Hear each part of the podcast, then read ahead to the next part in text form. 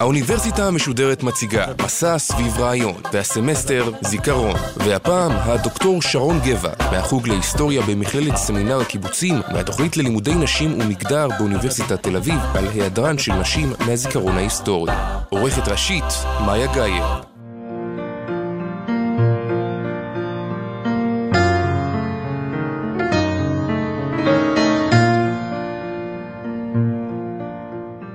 שלום לכן ולכם, שמי שרון גבע ואני מרצה בחוג להיסטוריה במכללת סמינר הקיבוצים ובתוכנית ללימודי נשים ומגדר באוניברסיטת תל אביב. חוקרת ומלמדת היסטוריה של נשים בתקופת השואה, נשים בישראל ומעמד האישה בחברה הישראלית, בעיקר בשנות המדינה הראשונות. בהרצאה זו אבקש לדבר על הקשר בין היסטוריה לזיכרון, ובפרט להתמקד בזיכרון ובתוך כך בשכחה של נשים בהיסטוריה בהקשר ישראלי. לדבר על מקומן בה ולפעמים היעדרן ממנה, להציע הסברים מדוע נשים רבות מדי עדיין נזכרות בשולי ספרי ההיסטוריה או פשוט נשכחו, ולשאול מה אפשר ללמוד מזה.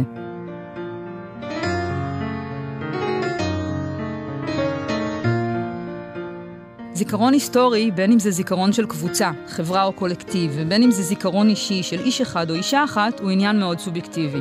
התכנים שלו תלויים בשפה משותפת, נורמות, ערכים מקובלים, ומה שהחברה, וגם כל אחד ואחת באופן אישי, תופסים בתור משהו חשוב יותר, חשוב פחות, או לא חשוב בכלל. כשהיסטוריונים והיסטוריוניות מבקשים לעמוד על זיכרון היסטורי של קבוצה, לסמן מה היה חשוב לה יותר או פחות, מי במרכז, מי בשוליים, את מי היא מזכירה וזוכרת, את מי היא שוכחת ומשכיחה, הטענות בהכרח תהיינה סובייקטיביות. היסטוריונים והיסטוריוניות בעצמם הם תוצר של התקופה שלהם. במובן הזה, כל ניסיון להציג זיכרון היסטורי כפי שהיה באמת, הוא כרוניקה של כישלון ידוע מראש. הבשורה הטובה היא שלא מדובר על משחק סכום אפס. קיומו של זיכרון היסטורי אחד לא מבטל את קיומו של זיכרון היסטורי אחר, אלא מצטרף אליו. ההיסטוריה משמיעה לא קול אחד, אלא קולות רבים, וזה הופך את התמונה הכללית למורכבת, כי היא וכל חלק בה נתון למגוון של פרשנויות. זה גם מה שהופך את ההיסטוריה למעניינת יותר ותמיד רלוונטית. כך אמנם היסטוריה היא דברי ימי העבר, אבל היא דינמית, היא משפיעה על ההווה והיא מושפעת ממנו. ברוח ההווה אנחנו יכולות לראות שבדור האחרון ההיסטוריה הולכת ומתפצלת. לא סיפור אחד, בלעדי ומוחלט, אלא סיפורים סיפורים, גמישים ומשתנים. ההיסטוריה מסופרת ונכתבת לא רק מנקודת מבט של מי ששולט ומנצח, כלומר הרוב, אלא מבעד לנקודות מבט של קבוצות שונות בחברה, המיעוטים שבה, שנבדלים מהרוב, למשל לפי הלאום, המוצא, הדת או המין. התמודדות עם כתיבת היסטוריה של מיעוטים מזמינה אתגרים וגם בעיות. ביסודה של ההיסטוריה הרי עומדת פרשנות שאנחנו נותנים למקורות הכתובים שיש לנו. הנטייה הרפלקסיבית היא להעדיף את מה שזמין. אלה המסמכים של הרוב כפי שתיעד אותו מי שהיה שייך לקבוצה השלטת. האנשים האלה ידעו לקרוא ולכתוב, והם יכלו לשמר את הדברים לדורות הבאים כדי שהם יזכרו ולא ישכחו. זה מעלה נקודה מעניינת, הרי בעצם ספרי היסטוריה בעצמם הם מקורות שמלמדים המון על זיכרון היסטורי, כי הם משמרים ומנציחים את מה שמי שכתבו אותם מטילים עלינו לזכור ולא לשכוח. כיצד אפשר לכתוב היסטוריה מנקודת המבט של מי שלא השאירו אחריהם מקורות כתובים? האם המשמעות של היעדר מקורות ומחיקה של קיומן של קבוצות שלא כתבו בכלל, או שהמקורות עליהן מצומצמים? כתיבת היסטוריה של מיעוטים מחייבת היסטוריוניות והיסטוריונים לעבוד קשה יותר. המקורות שלהם זמינים פחות, והדרך ארוכה יותר. זה לא פותר מהחובה להתייחס לממצאים בכבוד ובחשדנות בו בזמן, אבל זה אפשרי.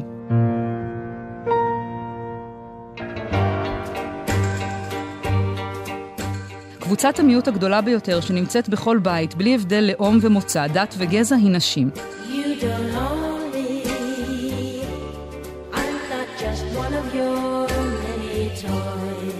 אמנם מבחינה מספרית נשים הן רוב, אבל הגדרת קבוצה כקבוצת מיעוט היא ערכית ולא מספרית. הקבוצה הדומיננטית בחברה יכולה להשליט את ערכיה גם בלי להיות הרוב.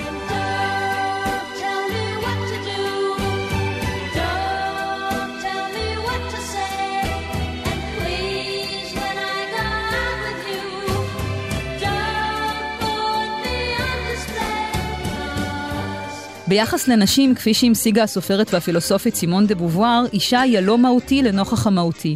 היא האחר מול הגבר שהוא העצמי. העולם, שהוא גברי, הופך את האישה למיעוט בכך שהוא מכריח אותה לתפוס את עצמה בתור כזאת. ההיסטוריה נוצרה על ידי גברים, ומקומן של הנשים בה היה נתון בידיהם. הם לא עיצבו את גורל הנשים לפי טובת האישה, אלא בהתאם לצרכים שלהם. תבנית בינארית זו מחדדת את המקום של כל אישה באשר היא אישה בתור אחר, בתור תלויה ולא עצמאית, ובקיצור, בתור עזר כנגדו. אמנם גברים יכולים להיות שייכים לקבוצות מיעוט שונות, למשל על בסיס מוצא או דת, אך גם במסגרתן הם יתפקדו כעצמי, כמהותי.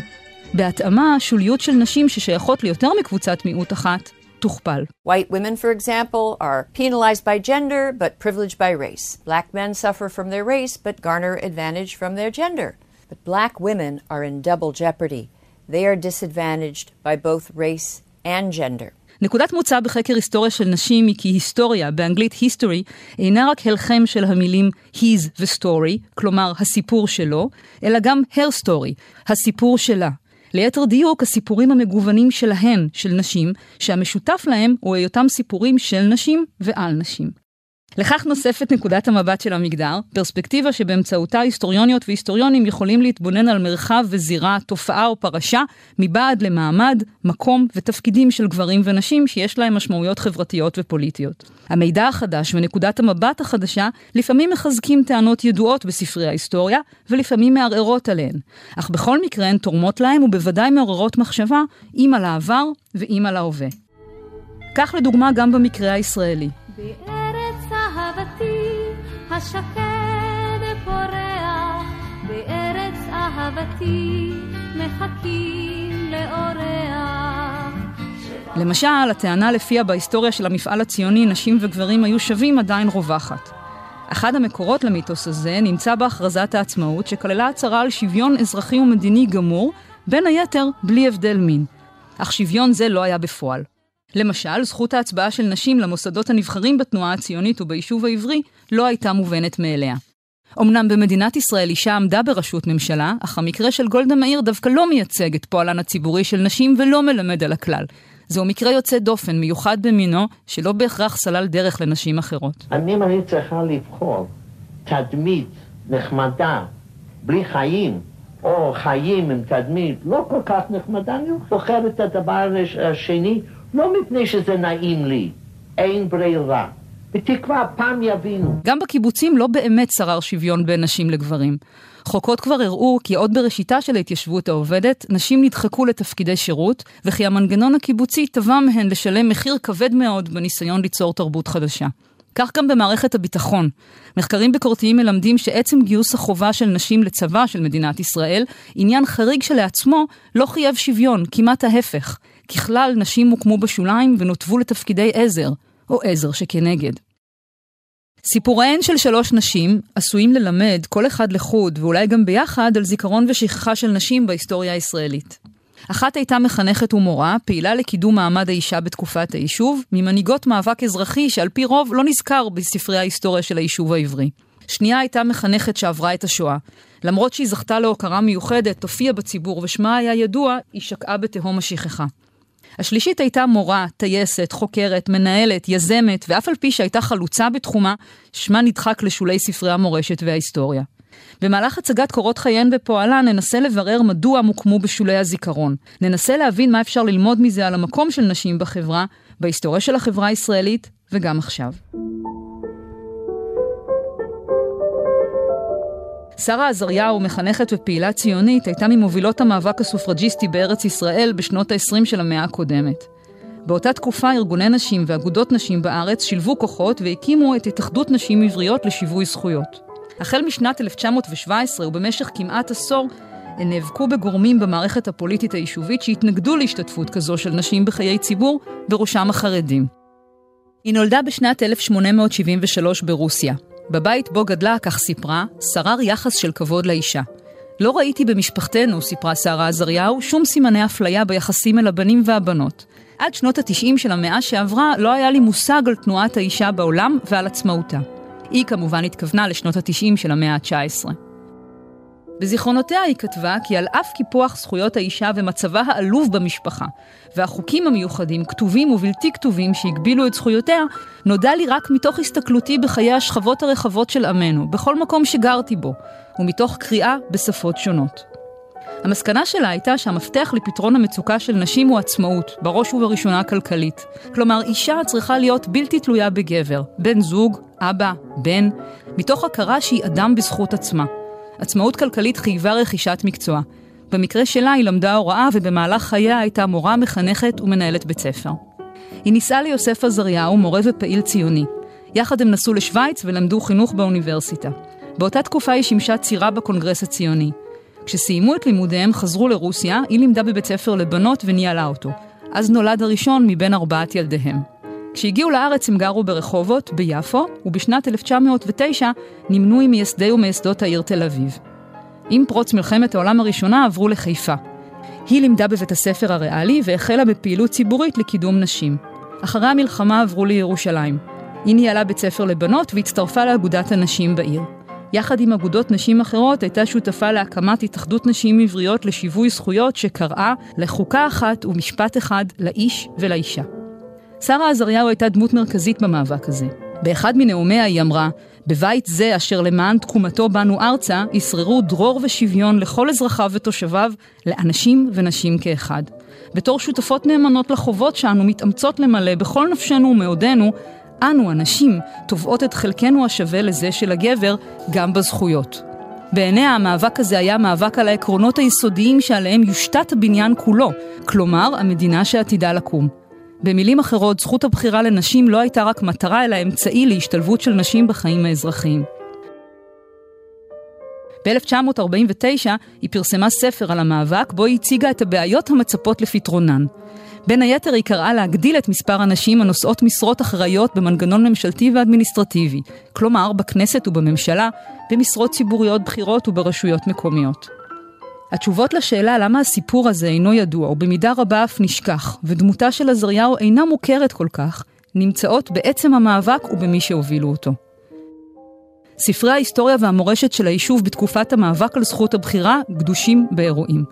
הצהרת בלפור והשלכותיה, קץ השלטון העות'מאני ראשית תקופת המנדט הבריטי, העלייה השלישית, העלייה הרביעית, התגבשות מוסדות היישוב וביסוסם, היחס לאוכלוסייה הפלסטינית ועוד.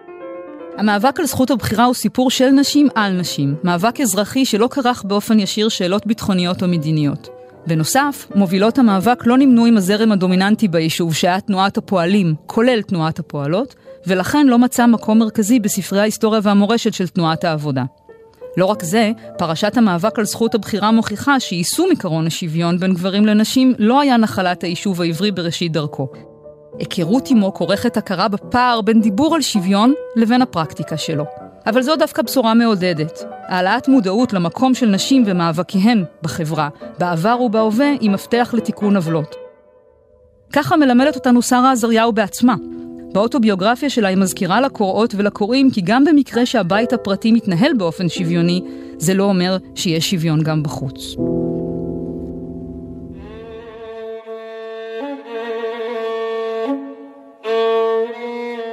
האישה השנייה שנשכחה ונזכרת כאן היא פסיה שרשבסקי. היא הייתה מורה ומחנכת ברשת בית יעקב בפולין, ניצולת אושוויץ, שעם בואה לארץ בסוף 1945 קראה לניצולים ולניצולות לספר על מה שעברו ולציבור בארץ להקשיב להם. במשך תקופה קצרה היא הייתה דמות מוכרת לא רק בקרב החברה החרדית. אף על פי כן היא נשכחה. היא נולדה ב-1918 בפולין למשפחה של חסידי גור, ולמדה בסמינר בית יעקב בקרקוב. היא הייתה מורה ברשת החינוך הזו, שהייתה לבנות ונשים חרדיות מייסודה של שרה שנירר. בת 17 החלה לעבוד כמורה, נישאה והקימה משפחה. עם פרוץ מלחמת העולם השנייה היא גורשה יחד עם משפחתה לוורשה. היא המשיכה בפעילותה בבית יעקב ועמדה בקשר עם פעילי אגודת ישראל בגטו. ב-1943 גורשה למחנה מיידנק ומשם לאושוויץ. כאסירה היא נשלחה לעבוד במכבסה של האס-אס. באושוויץ נודעה כדמות מופת בקרב אסירות. היא הדריכה וחינכה, חיזקה אותן במאבק היומיומי להישאר בחיים. במחנה הכורים באיטליה, אליו הגיעה אחרי השחרור, המשיכה בפעילות חינוכית. היא פגשה שם לצד פעילים של אגודת ישראל גם בחיילי הבריגדה, מפגש שהותיר עליה רושם גדול, ובפעילים ציוניים. בסוף שנת 1945 היא הגיעה לבד לארץ, והייתה ממקימי בית שרה שנירר בבני ברק, בו נקלטו ניצולות. הן קראו לה אם הפליטות. ההופעה המרכזית של פסיה שרשבסקי בפני הציבור הייתה בדצמבר 1945 בעצרת בבית הבימה בתל אביב, בה השתתפו ראשי היישוב ובכיריו, ביניהם יצחק בן צבי, משה שרת וגולדה מאיר. בנאומה סיפרה פסיה שרשבסקי על מה שהיא ראתה, שמעה והרגישה. דרכי ההתמודדות של אסירות באושוויץ עם מציאות חייהן במחנה. הקהל והמשתתפים נרעשו ונפעמו. בעיתונות היא הוצגה בתור האישה שמגוללת פרשה מזעזעת מהשמדת היהודים ומנדודי הניצולים. אחרי שגמרה לדבר, דיווחו בעיתון, לא היה איש יכול לעצור את דמעותיו. נאומה המחריד בפשטותו הקפיא דם בעורקים. במאמרים אחרים בעיתונים סופר בהערכה רבה על פעולותיה באושוויץ, כיצד הצילה אנשים מרעב, מנעה מהם ליפול בזרועות ייאוש, אפשרה בהקרבה יומיומית להחזיק מעמד בחומר וברוח.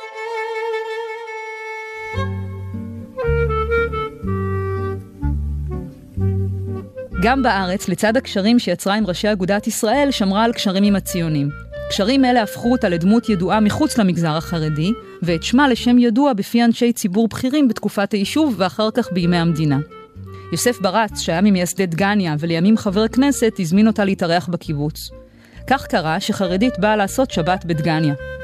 בערב שבת היא סיפרה לחברים ולחברות על אושוויץ, ובשבת נפגשה עם ילדי המשק וסיפרה להם על מה שעברה. יוסף שפרינצק, שהיה חבר כנסת ויושב ראש הכנסת, העיד שלמרות שפסיה שרשבסקי הייתה דתית קיצונית, היא לקחה שבי גם את ליבם של בלתי דתיים. בשנת 1956 נפטרה פסיה שרשבסקי, היא הייתה בת 38. כעשר שנים אחרי מותה פורסם ספר ובו מאמריה ודיווחים על הופעותיה בציבור, אך זה כמעט הכל.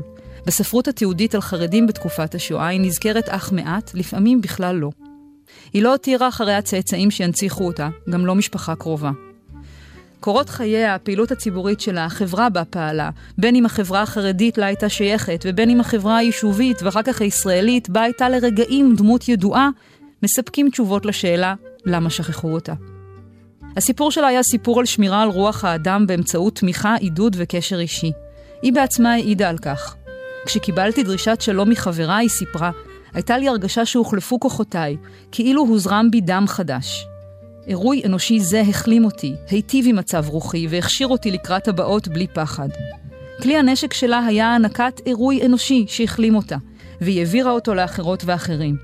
זה גילוי התנגדות נשי מאוד, מאחורי הקלעים, מכוון כלפי פנים, אי אפשר למדוד אותו. זה לא סיפור על אחיזה בנשק, זה לא סיפור צברי מובהק. לא רק זה, מי שהשמיע את הסיפור הייתה אישה חרדית. גם החברה היישובית וגם החברה החרדית הדגישו את גבולות המגדר. מי יותר, מי פחות.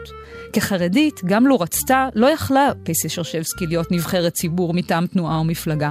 הפעילות שלה הייתה למען חינוך וסעד של נשים. מלבד עצם ההיכרות עם הסיפור של אישה נשכחת זאת, שמשמש גם פתח להיכרות עם סיפורים שהעמידו במרכז גילויי התנגדות ברוח, סיפורים שכמעט תמיד שקעו, הסיפור הזה מעורר מחשבה בנוגע להגדרות למושגי מפתח שקשורים במושג זיכרון בכלל. הנה ההגדרה ללחימה וההגדרה להתנגדות הן רחבות יותר. המשמעויות שלהם לאו דווקא הפעלת כוח פיזי, גם לא אחיזה בנשק במטרה לחסל או להרוג, אלא כדי להצמיח ולתת חיים.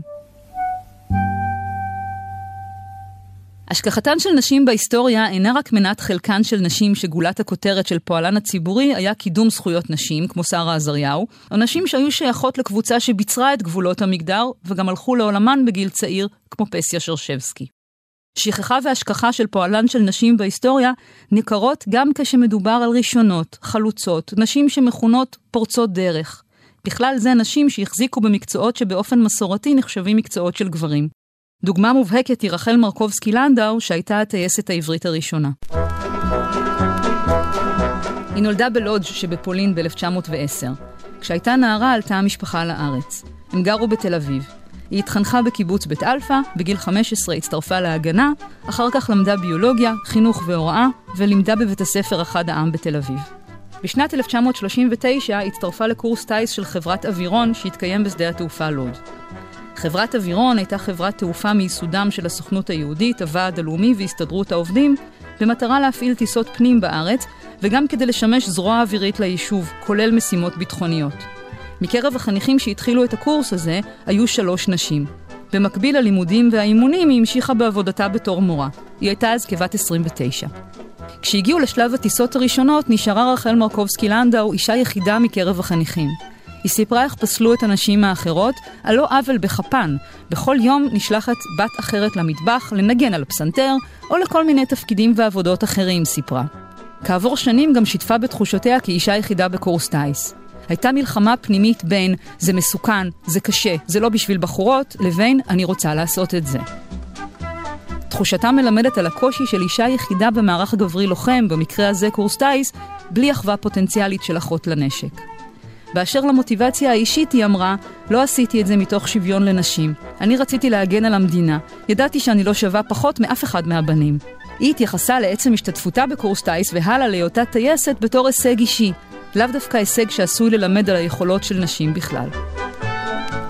להיות אישה טייסת יחידה בין טייסים גברים באותה תקופה היה יתרון מבחינה מבצעית. באותו זמן, ימי מלחמת העולם השנייה, טייסים לא יכלו לבצע משימות שונות משום שהיו תחת מעקב של הבריטים. רחל מרקובסקי לנדאו טסה במסווה של בת עשירים, שלפעמים נחתה כאן ושם, כאילו בטעות, וכך ביצעה משימות. למעשה, היא תעלה את הסטריאוטיפים המקובלים ביחס לנשים בשביל להצליח במשימה. בתור אישה היא עוררה יותר אמון ופחות חשד, וההנחה הייתה שאם היא תיתפס, יתייחסו אליה בסלחנות. ככה היא העבירה תשדורות סודיות, נשק וציוד. במקביל לטיסה היא השתלבה בתחום הדאייה. היא הייתה חברה בקלוב התעופה הארץ ישראלי, ואחר כך הייתה יושב ראש קלוב התעופה לישראל. היא קידמה את הטיס בארץ ועסקה בין היתר בחוקי תעופה. בעקבות זאת החליטה ללמוד משפטים והוסמכה כעורכת דין. היא השלימה תואר שני בקרימינולוגיה, ובגיל 68 דוקטורט במשפטים בנושא עבריינות נשים. ב-1973 הקימה את אגודת אחים בוגרים בישראל. היא הלכה לעולמה בגיל 101. רחל מרקובסקי לנדו הייתה אישה רבת פעלים בתחום הביטחוני ובתחום החברתי. אמנם היא לא ראתה את עצמה כמייצגת כלל הנשים, אך בעצם הצלחתה היא הוכיחה שנשים יכולות להגיע לעמדות, לתפקידים בכירים, ולעמוד בהם בהצלחה. בכך היא הייתה חלוצה שפרצה דרך. אך ההיסטוריה של התעופה בישראל מלמדת שהדרך הזאת לא נסללה לנשים אחרות. בשנים הראשונות למדינה, קורס טיס וחיל האוויר בכלל התגבשו בתור מעוז גברי מובהק. בספרי ההיסטוריה והמורשת של חיל האוויר, רחל מרקובסקי לנדאו כמעט לא נזכרת. ההתעלמות מהסיפור שלה בולטת במיוחד לאור העובדה שהיא הייתה ראשונה. גם זה מלמד משהו על הכוח של מי שכותבים, מנחילים, מנציחים את ההיסטוריה. גם זו דוגמה לכתיבת ההיסטוריה כהיסטוריה שלו, כ-his story, ומעט מאוד, אם בכלל, בתור ההיסטוריה שלה. מדוע נשים נשכחות? התשובה פשוטה ובנאלית, כי אין מי שיזכירו אותן. בהיסטוריה של מדינת ישראל יש לזה הקשר פוליטי חזק, וכך גם לשאלה את מי בוחרות מפלגות ותנועות פוליטיות להנציח, במיוחד המפלגות שנמצאות בשלטון. לרוב בולטות נשים שסיפוריהן דומים לסיפור של רחל מרקובסקי לנדאו. יוצאות דופן, שונות, מיוחדות, שחצו את גבולות המגדר. לאור סיפורים כאלה, אנחנו צריכים לשאול מה קרה אחרי שנפרצה הדרך הזאת. האם התמקדות בהישג הזה והוקרה מיוחדת שלו מסייעת לנשים אחרות להצטרף, או דווקא מדכאת אותם? הבלטה של אישה שפרצה את גבולות המגדר, למשל טייסת, משמשת תזכורת בעבור החברה מהו המקום של רוב הנשים. אליס מילר היא סמל לשוויון בין נשים לגברים בצה"ל. אליס פתחה דלת לשילוב נשים במסלולי הלחימה בצה"ל. אני, אליס מילר, מתכבדת להשיא משואה זו לכבוד הנשים המרפאות את החברה בחוכמתן העתיקה והמתחדשת ולתפארת מדינת ישראל. עכשיו השאלה היא מה אנחנו בוחרות לעשות עם זה. להתבשם מההישגים של אישה אחת ולכנות אותה פורצת דרך, יוצאת דופן, מיוחדת במינה ולשמר את הסדר החברתי הקיים, או לנתב את ההישג שלה להתקדמות של נשים אחרות, ובכך לחולל שינוי. ידועות פחות הן נשים שלא היו קשורות לתנועה שהיה לה ייצוג בכנסת, כמו סיפור המאבק על זכות הבחירה בו השתתפה שרה עזריהו. זה לא סיפור שנעים לשמוע או להשמיע אותו. הרבה יותר נוח לחשוב, בטעות, שהמפעל הציוני, החברה היישובית ואחר כך החברה הישראלית הייתה שוויונית מאז ומתמיד. לאור סיפורים כאלה ולנוכח מקומם או היעדרם מספרי ההיסטוריה, למשל ספרי לימוד בבית ספר, אנחנו צריכים וצריכות לשאול מהי מידת הנכונות להתמודד עם העבר. מה השתנה מאז ביחס להדרת נשים וביחס למידת ההסכמה של גורמים במערכת הפוליטית לגילויי התנגדות לעצם הנוכחות של נשים במרחב הציבורי? ידועות אף פחות הן נשים שאין מי שיזכירו אותן, כמו פסיה שרשבסקי, שבעצמה הייתה חלק ממגזר שביצר את גבולות המגדר, ובכך קבע את מקומה של האישה בבית ולא בחוץ, ובכך הכפיל את השוליות שלה. אבל גם פעילות מגוונת ורבת שנים לא מבטיחה מקום על מדף ספרי ההיסטוריה. הסיפור של רחל מרקובסקי לנדאו מלמד שגם גוף גדול, כדוגמת מערכת הביטחון, יכול לשכוח, אם לא בכוונה תחילה, אז כתוצר של חוסר מודעות.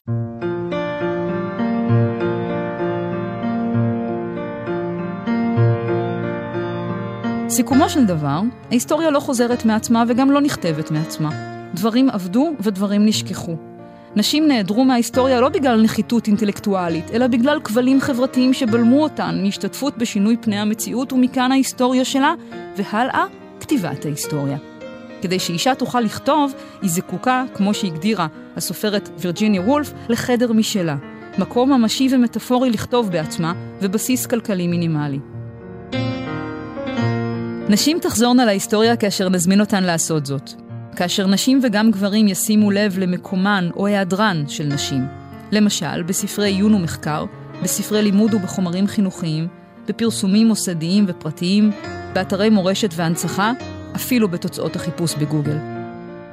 כאשר נכיר בהיעדרן ובשוליותן, נשאל מה אפשר ללמוד מזה על ההווה ונפעל לתיקון, כדי להשמיע את הקולות שלהן, לספר על חייהן ופועלן לדורות הבאים. איך אפשר לעשות את זה? בשלב ראשון, לכו לבקר את סבתא. לא מן הנמנע שתמצאו שם אוצר.